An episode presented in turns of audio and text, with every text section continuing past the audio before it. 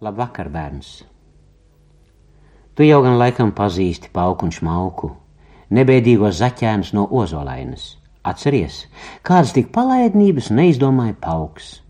Bet vai tu zini, kā tagad klājas paukam un šmaukam? Nē, nu tad es pastāstīšu.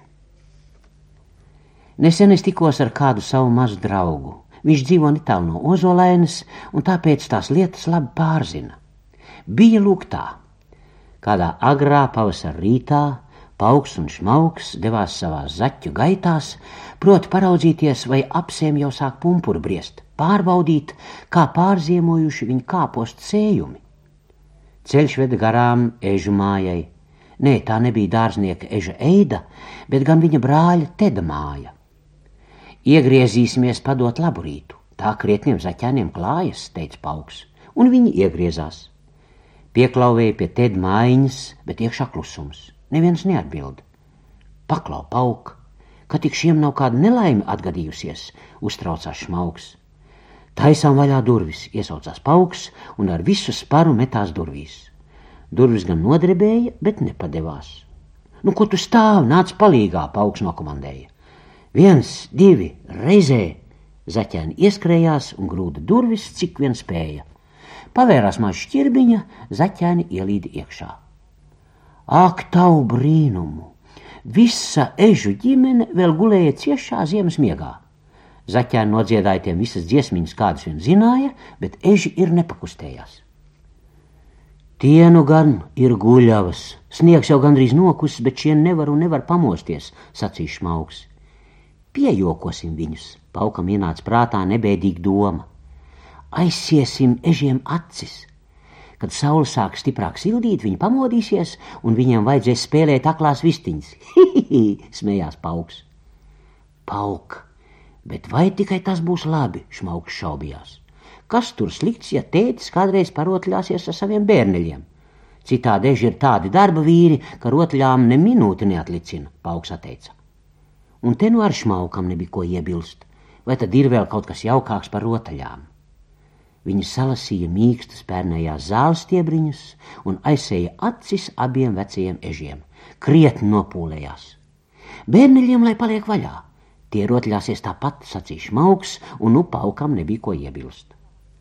Vēlāk atnāksim paraudzīties, ko šie dara. Zaķēni nolēma un aizvēruši durvis devās tālāk.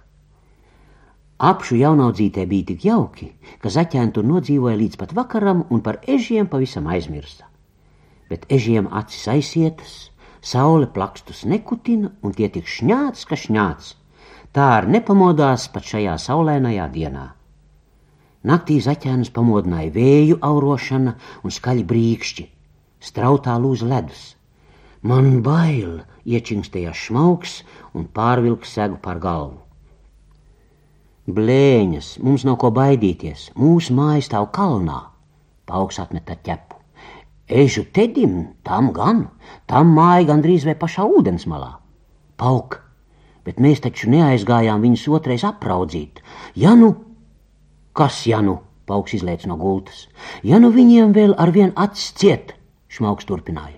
Ejam, iesaucās pauks un bija jau aiz durvīm. Šmauks steidzās viņu panākt.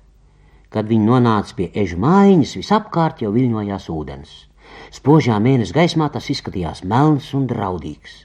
Nebīsties šmauka, te nav dziļš. Katrā ziņā jātiek pie eža mājiņas, un pauks iebrida augstajā ūdenī. Šmauks drebinādamies brida viņam pakaļ. Eža ģimene bija pamodusies, bet bezpalīdzīgi skraidīja pa istabu šurpu turpu. Ak, kāpēc te ir tik tumšs, ka neredz ne mazākā gaismas stariņa, pukojās ezistedis. Vai tik kāds nebūs nozadzis mēnesi, uztraucās viņa sieva.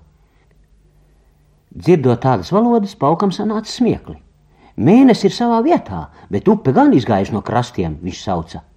Un eži pēkšņi samanīja, kā uz grīdas šļakst viņu soļi. Sajūt, ka kājas jau pavisam slapjas. Bērniņi mani sauca ezene, un visi mazie ezēni saspiedās ap viņu. Šmauks tik tikko varēja pie viņas piekļūt un atsietai acis. Un eža māte tūlīt kļuva redzīga. Viņa steidzīgi sacēla savus mazuļus uz galda, lai tie nesamirktu augstajā ūdenī un nedabūtu iesnas. Pauks pa to laiku bija noņēmis apseju no eža teda acīm.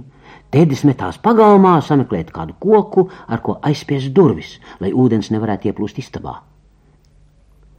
Par savu māju viņš nešaubījās, tā izturēs jebkādas straumes. Bet gadījās tā, ka liels vilnis sagrāba ezi tedi un iemeta strautā.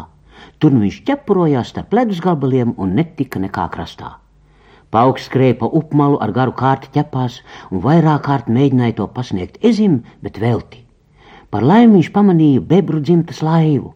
Strauma to vēl nebija aiznesusi, pauks iegrūda laivu ūdenī, un viņi abi ar šmauku drosmīgi stūrēja palīgā ezim, kas vairs tikai pa brīdim parādījās virs ūdens. Tādu nelaimi pamanījis, pat mēnesis debesīs sāka uztraukties un rādīja gaismu, cik spēdams. Un tikai tāpēc paukam izdevās laivu aizvedīt tur, kur vajag un sagrābt ezi tedi aiz adatainā kažoka. Tas nu gan dūrās, bet pauks vaļā nelaida. Nelaida, kaut gan pats tik tikko pār laivas malu neievēlās ūdenī. Labi, ka šmauks saķēra aiz bikšelēm. Otrā dienā visu ozolēni aplidoja vēsts, ka pauks un šmauks izglābuši eža tēda ģimeni.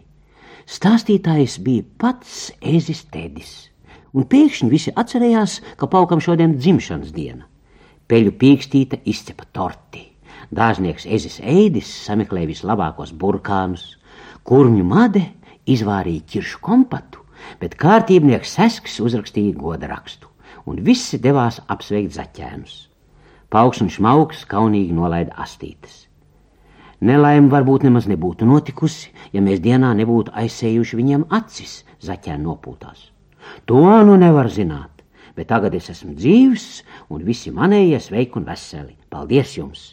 To teica Ezis Tedis. Un arī visi citi ozolēns ļaudis atzina, ka pauks un šmauks ir divi dūšīgi zaķēni.